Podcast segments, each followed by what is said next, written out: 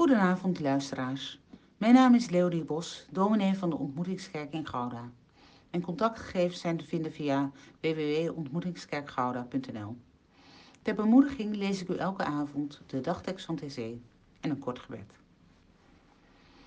Johannes schreef: De duisternis wijkt en het ware licht schijnt al. Wie de ander lief heeft, blijft in het licht.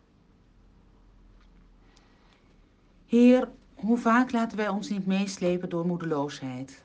Dan zien wij geen enkel lichtpunt meer. Maak met ons een nieuw begin en beziel ons met moed en kracht. We vragen om vergeving voor alle gedachten van bitterheid en cynisme, voor verkeerde beoordelingen, waarmee wij, waarmee wij zo gemakkelijk anderen veroordelen, zonder dat wij die ander goed genoeg kennen. Laten wij opnieuw beginnen met u en met elkaar. Wij komen tot u met de schuld van de wereld, waar mensen elkaar de dood injagen, waar het leven wordt vernield en verminkt, waar de bodem verzuurt en de hemel verschraalt.